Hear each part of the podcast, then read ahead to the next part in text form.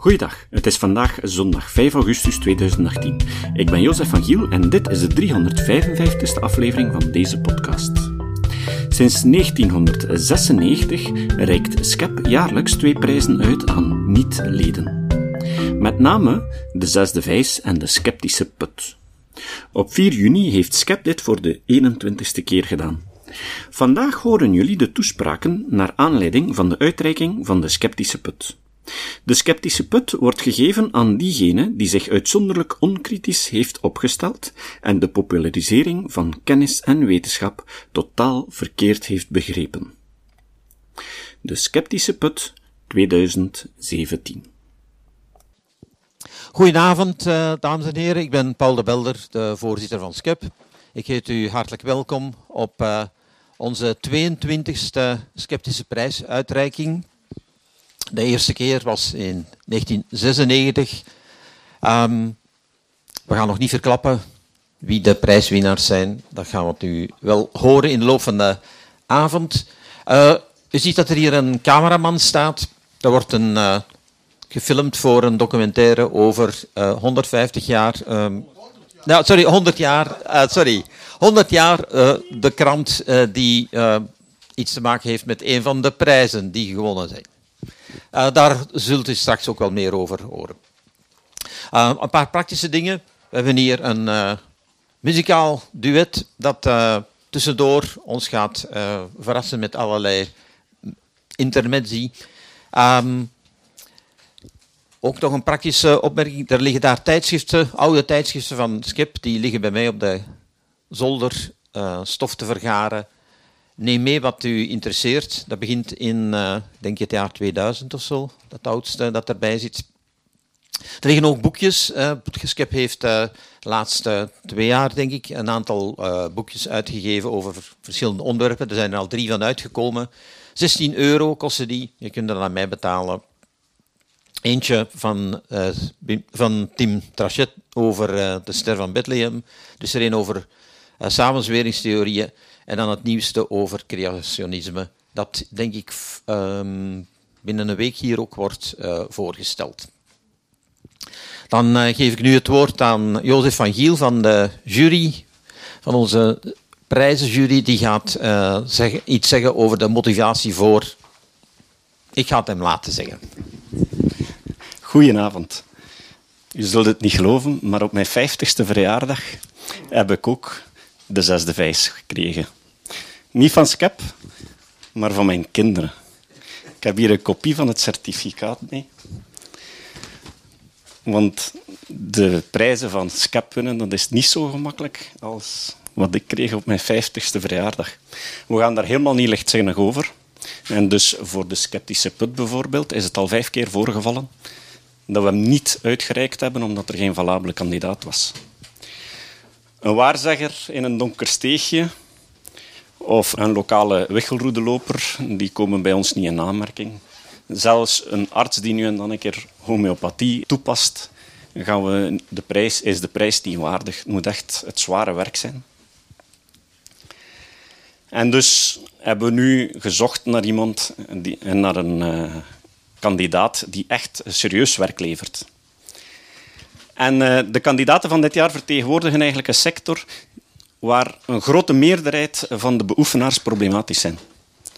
Maar onze kandidaten hebben nog enkele extra troeven voor de prijzencommissie, die de balans liet overslaan. Onze kandidaten bedachten een volledig nieuwe manier om rijk te worden door de carrières van mensen op een dwaalspoor te brengen. Niet via vragenlijsten zoals bijvoorbeeld MBTI of Insights, die zeer populair zijn, maar gewoon door de gezichten van de mensen te analyseren. Een soort 19e-eeuwse frenologie. Ook het BV-schap van een van de leden van de organisatie hebben ze daarmee in de schal gegooid. Ze beweren zelfs dat hun methode wetenschappelijk onderbouwd is. En toen Skep naar deze wetenschappelijke studies vroeg, ontvingen ze een hele lijst referenties, waaronder een studie van oerskepticus Richard Wiseman, die aantoonde dat je iemands persoonlijkheid helemaal niet kan afleiden uit zijn uiterlijk. De zaakvoerster van het bedrijf Talenttester, Nancy Steels, en haar medewerkster, de actrice Veerle Dobbelare, hebben dan ook met recht en reden de sceptische put verdiend. En wie kan je beter bedenken bij SCEP om daar een woordje uitleg bij te geven dan Patrick Vermeeren?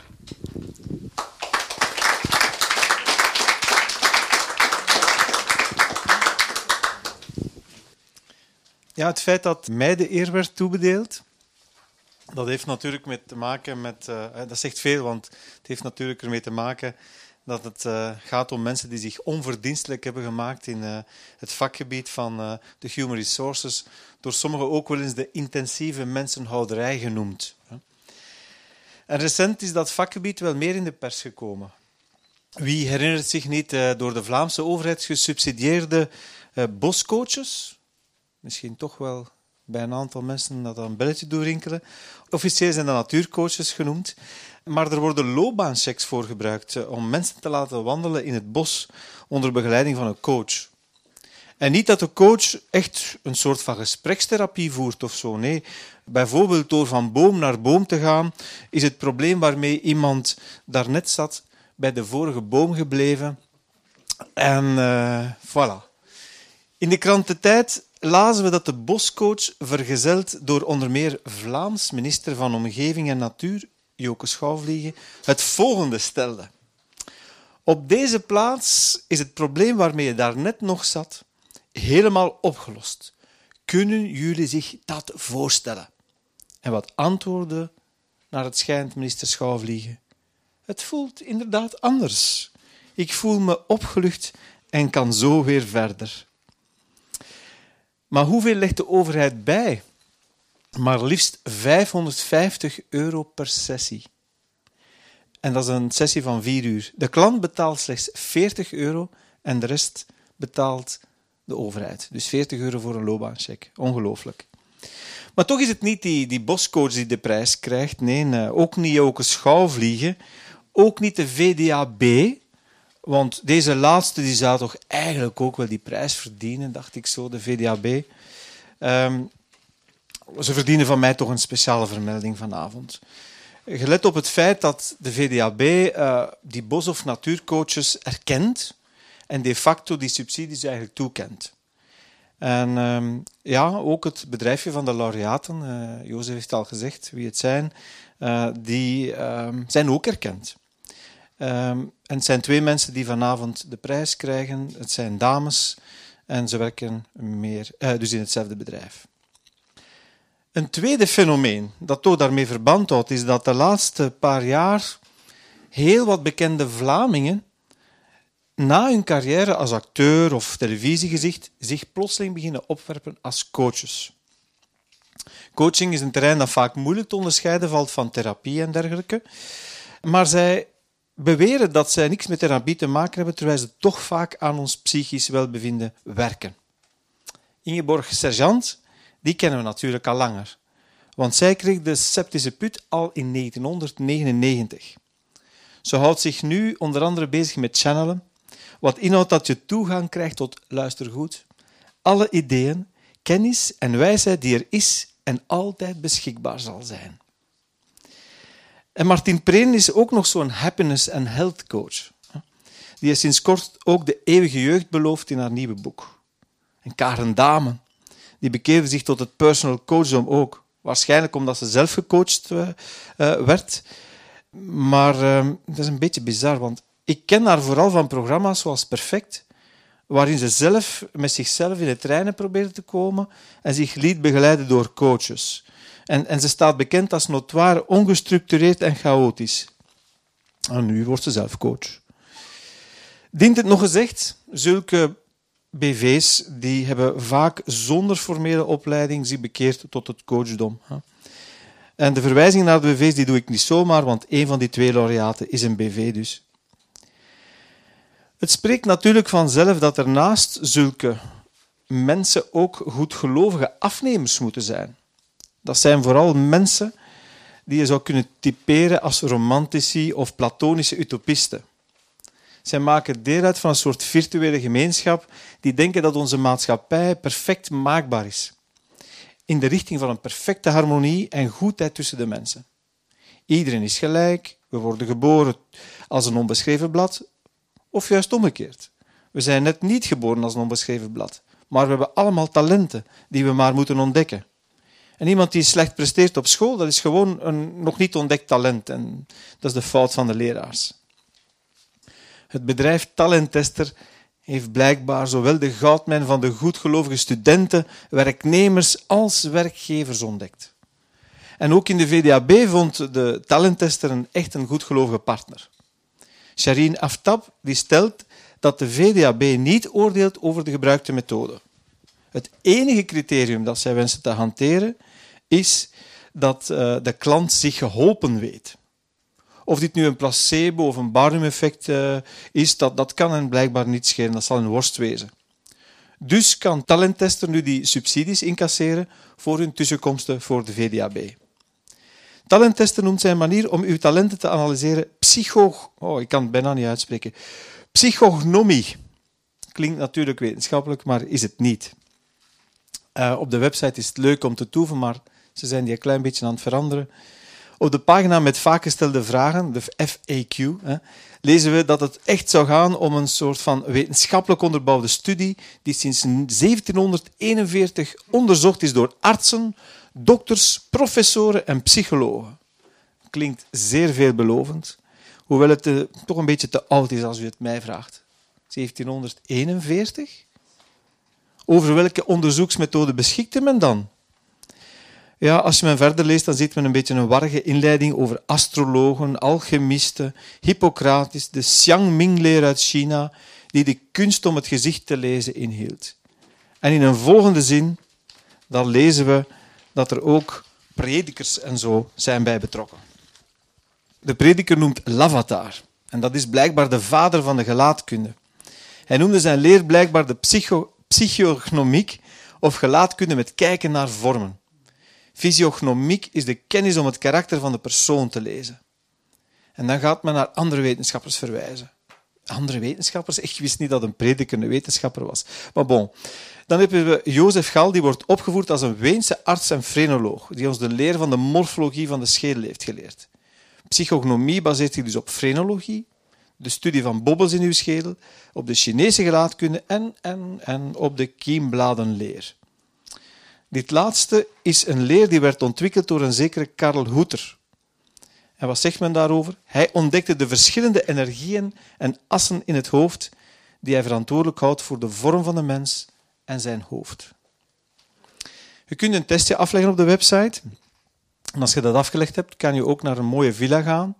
En dan gaan ze u gelaat bekijken en voelen aan uw schedel. En wat beweren ze dan?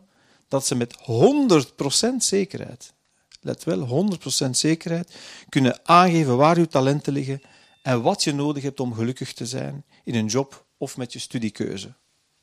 En wat kunnen ze zo afleiden? Dat is wel leuk. Hè? Een bepaalde verdikking in uw schedel kan een aanleg laten zien voor logisch denken of creatief talent. Builtjes die duiden op goed ontwikkelde eigenschappen, terwijl kuiltjes het omgekeerde laten zien. Ongelijke gezichtshelften die kunnen iets verraden over je ratio, omdat het rechterdeel van je hoofd verantwoordelijk is voor de ratio, terwijl de linkerkant het gevoel weerspiegelt. Dat is al gezegd over de hersenen, maar blijkbaar breidt zich dat nu uit tot de schedel. En uw wenkbrauwen, ook interessant. De wenkbrauw die kunnen iets vertellen over uw gevoel, terwijl uw neus iets kan zeggen over uw wilskracht. En de binnenrand van uw oren iets over hoe sterk uw persoonlijkheid is of in hoeverre u mededeelzaam bent. Ik had hier iets van de stembanden verwacht, maar nee, dat zit blijkbaar in de oren. En uw kin dat zegt iets over de doelkracht. En zo kan het nog wel een tijdje verder gaan. Er zijn twee laureaten. Nancy Steels is de eerste laureate van de Sceptische Put. Zij is een van de twee zaakvoerders die het bedrijf Talenttester in 2017 hebben opgericht. En zij bleek echt onverstoorbaar. Uh, ikzelf, een academicus van de Universiteit van Gent en een journalist van het populair wetenschappelijke blad EOS, hebben haar aan de tand gevoeld. Misschien hebben wij haar wel aan de verkeerde tand gevoeld, dat geef ik toe. Nele de Kuiper, dat is een arbeidspsycholoog aan de KU Leuven, die noemde het gewoon pure kwakzalverij. En Bart Wille, arbeidspsycholoog van de Universiteit van Antwerpen, die vond de methode uiteraard eveneens onbetrouwbaar. Hij heeft zelfs gezegd, moest ik daardoor een job mislopen, dan zou ik ze een proces aandoen. Maar als zij wordt geconfronteerd met die kritiek, dan, dan bedient Nancy Steels zich echter echt schaamteloos van een switcheroo. Ook al wordt op hun website de wetenschappelijke onderbouwing fel benadrukt, wanneer ze dan daarop wordt aangesproken, dan stelt ze vrolijk dat uw methode ja, ja, niet echt een wetenschap is. En ze stelt ook, ja, we weten dat een aantal academische experts kritisch zijn over wat we doen, maar ik maak me daar helemaal geen zorgen over. Ze zegt van, kijk, simpelweg heb je in elke business believers en non-believers. Zei Bertrand Russell ooit niet dat de dommen cocksure zijn en de slimmen altijd maar twijfelen?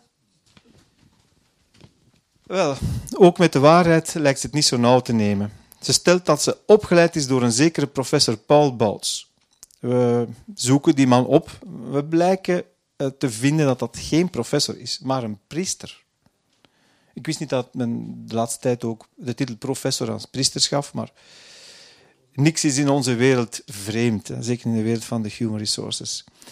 En Nancy Steels heeft dan aan een collega van mij geschreven dat ze niet weet waar die man zijn doctoraat zou hebben behaald.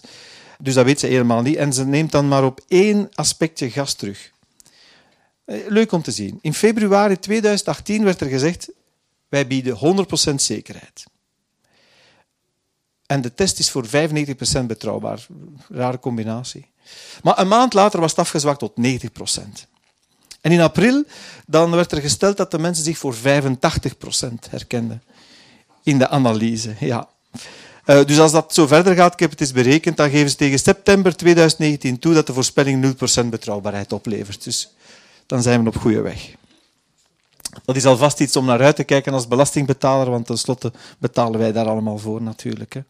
In elk geval, om de onzin van de frenologie en de gelaatkunde nieuw leven in te blazen, is Nancy Steels echt de verdiende laureate van de sceptische put. Maar het is natuurlijk niet leuk om in zo'n sceptische put te zitten, want ja, Ingeborg zit er wel al, maar bon, is wel een concurrent misschien. Dus omdat daar zo eenzaam is, eh, eens men daarin valt, verdient ze gezelschap van een BV die zich bij haar liet omscholen tot coach. De als actrice bekendstaande Vele Dobbelaren stelt zich na een NLP-opleiding ook voor als coach bij Talenttester. Heel terzijde trouwens. NLP is ook onzin die al heel uitvoerig is beschreven, ook eh, in onze tijdschrift, in het tijdschrift van Skep en van onze zustervereniging in, in Nederland, Skepsis. Um, en zij helpt, zij is een, een mental coach, een life en mental coach. Ze zegt, ik help zowel bedrijven als particulieren om mensen te helpen hun volledig potentieel te ontwikkelen. En daarbij zet ze uiteraard haar opleiding en ervaring als actrice in om het geheel goed te bekijken en te benoemen wat ze ziet. En ze is werkelijk geweldig, want ze heeft zichzelf onderworpen aan die testen van talenttester. En, en haar karakter is omschreven in een stuk of 25 uh, eh, ja, beschrijvingen. Ik zal er een paar van voorlezen, want ik, dat is te lang anders. Hè. Ze heeft praktische denkkracht. Ze heeft sterke doelkracht. Ze heeft een sterke objectieve waarneming. Nochtans vertrekt ze volledig vanuit het gevoel. Ze heeft een sterke mededeelzaamheid. Ze zoekt naar het mooie en verhevenheid. Ze houdt niet van ruwe manieren en ze werkt haar zaken mooi af. En dat lijstje is echt niet compleet. En dat is echt verdorie beter dan een horoscoop. Zeg. Geen spatje van zwaktes, geen ontwikkelpunt te bespeuren, alleen maar talent. Ja, voor haar transformatie van al dan niet succesvolle actrice naar schedel, gelaat en kiembladdeskundige verdient zij het dus om uh, Nancy Steels te vervoegen in de sceptische put. Hopelijk ontdekken zij tijdens hun verblijf al daar nog meer zaken van elkaar. Zij kunnen bijvoorbeeld eens experimenteren met het analyseren van hun haar en hun kapsel. Ja, want hun collega in Nederland, en zeker René Emmerich, dat is naar eigen zeggen de laatste erkende frenoloog in Nederland, die, die is daar ook van, van, van uw haar en uw kapsel te analyseren. En wie weet komen ze Ingeborg nog tegen, natuurlijk. En ik had ze eigenlijk graag hier gehad, maar ze hebben geweigerd. Maar waarom had ik ze graag hier gehad? Omdat zij ook stellen op hun website dat uh, vrouwelijke ondernemers bepaalde kenmerken hebben. Wat zijn die kenmerken? Luister goed. Volgens een artikel op hun eigen website hebben die een vierkant hoofd een plat voorhoofd, hoge jukbeenderen en een uitstekende kin. Wel, ik zou zeggen, dat zijn ongelooflijk ideale eigenschappen. Eh, dat is echt goed voor de receptie straks. Dan moeten we tenminste niet meer zoeken waar dat we ons pint of ons glas moeten eh, neerzetten. Dank u wel.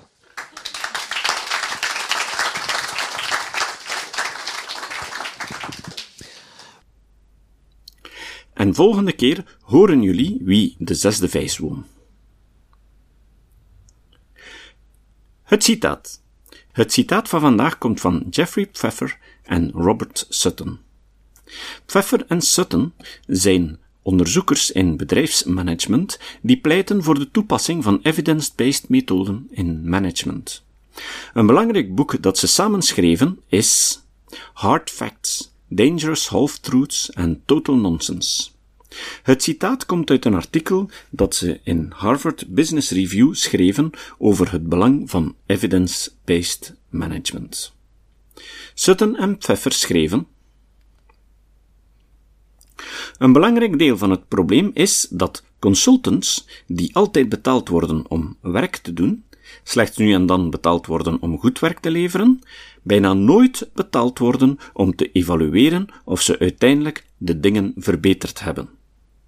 Erger nog, als het probleem van een klant slechts gedeeltelijk is opgelost, leidt dat tot meer werk voor het consultingbedrijf. Als je denkt dat ons oordeel te drastisch is, vraag dan aan jouw favoriete consultingbedrijf welk bewijs ze hebben dat hun advies of technieken effectief werken en let op de bewijzen die ze afleveren. Tot de volgende keer. Deze podcast is het resultaat van het werk van veel mensen.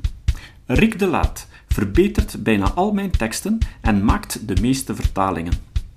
Emiel Dingemans verzorgt onze website en Facebookpagina. Ook Leon Korteweg en Stefan Sutens schrijven, vertalen of verbeteren soms artikelen. Leon onderhoudt bovendien het YouTube-kanaal van deze podcast. De muziek van de intro en de trailer heeft Nick Lucassen geschreven en soms maken we ook gebruik van muziek van Ad van Nederpelt, die ons zijn prachtige composities ter beschikking stelt.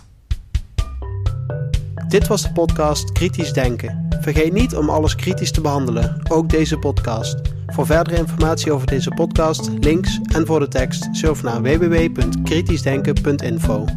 Als je deze podcast belangrijk vindt, kun je me steunen door anderen warm te maken ook eens te luisteren. Stuur een e-mail naar vrienden met een link naar de website en plaats de link in de handtekening van je e-mails. Tevens kun je op iTunes deze podcast een beoordeling geven of een recensie schrijven. Of je kan op je eigen website of blog een link naar kritisch denken plaatsen.